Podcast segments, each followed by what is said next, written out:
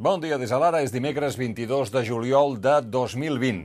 Farà un dia com el d'ahir, Miquel Bernis?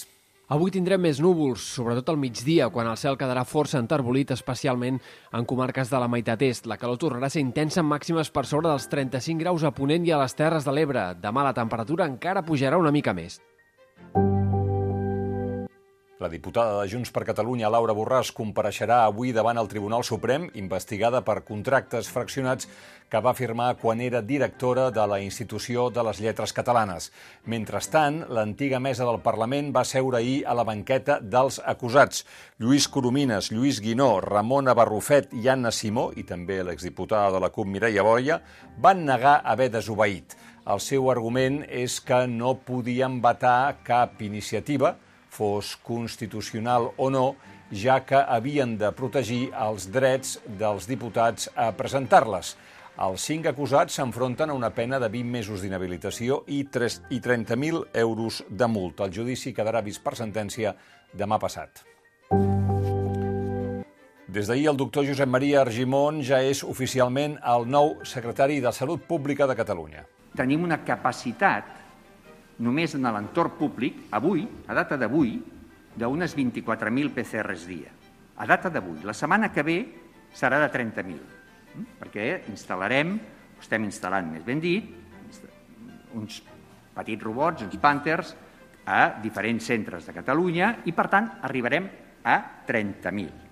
I si contem la capacitat privada, fins a 40.000 al dia. Per això, l'altre pilar bàsic del pla d'actuació del nou secretari de Salut Pública se centra en trobar més contactes estrets que fins ara i així poder fer eh, més proves, com explicava.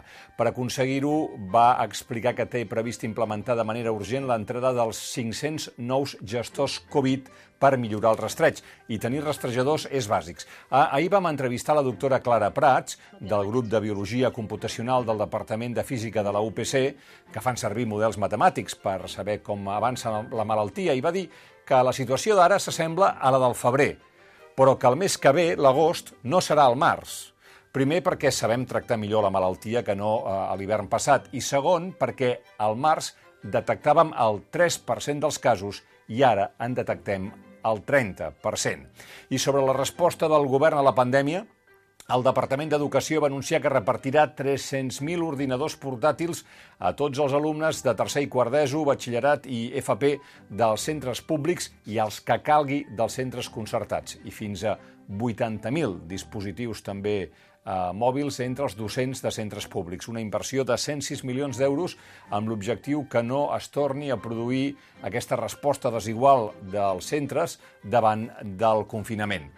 Sobre la mascareta, la investigadora Judit Vall Castelló firma un article titulat Per què hem de portar mascareta, on hi diu que eh, ho hem de fer primer per les eh, persones de més de 60 anys, perquè si la majoria utilitzem la mascareta, estem protegint aquest grup de població més vulnerable enfront del virus.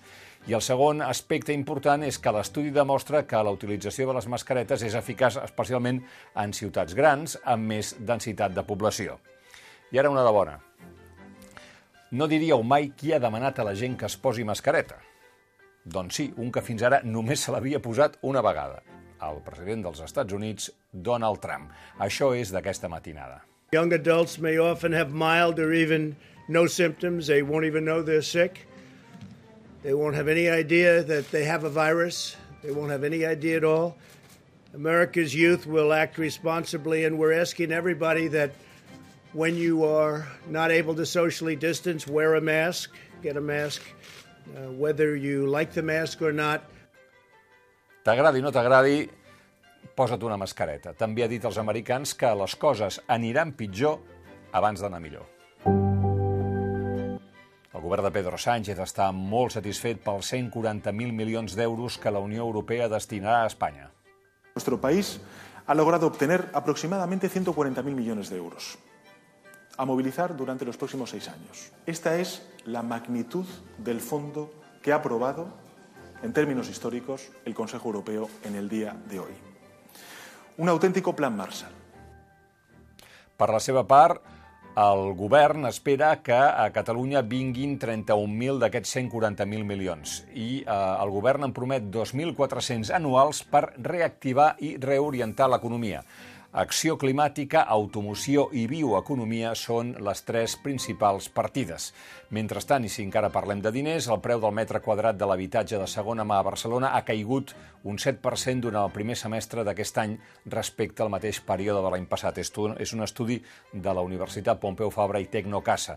La davallada és superior a la de Madrid, on el preu ha baixat un 4,4%. La pandèmia ha reduït sensiblement el nombre de compravendes de segona mà i ha foragitat els inversors.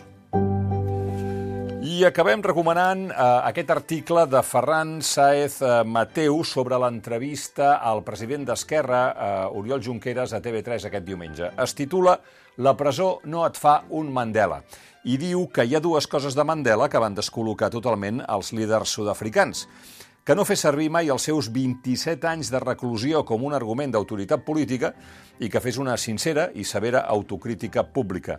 Diu en Ferran Saez que l'Oriol Junqueras té tot el dret a estar emprenyat, però no a fer callar els discrepants com si, en comptes d'un sentiment, es tractés d'un argument. Fins aquí les claus del dia. Tornem de seguida amb l'anàlisi de l'actualitat.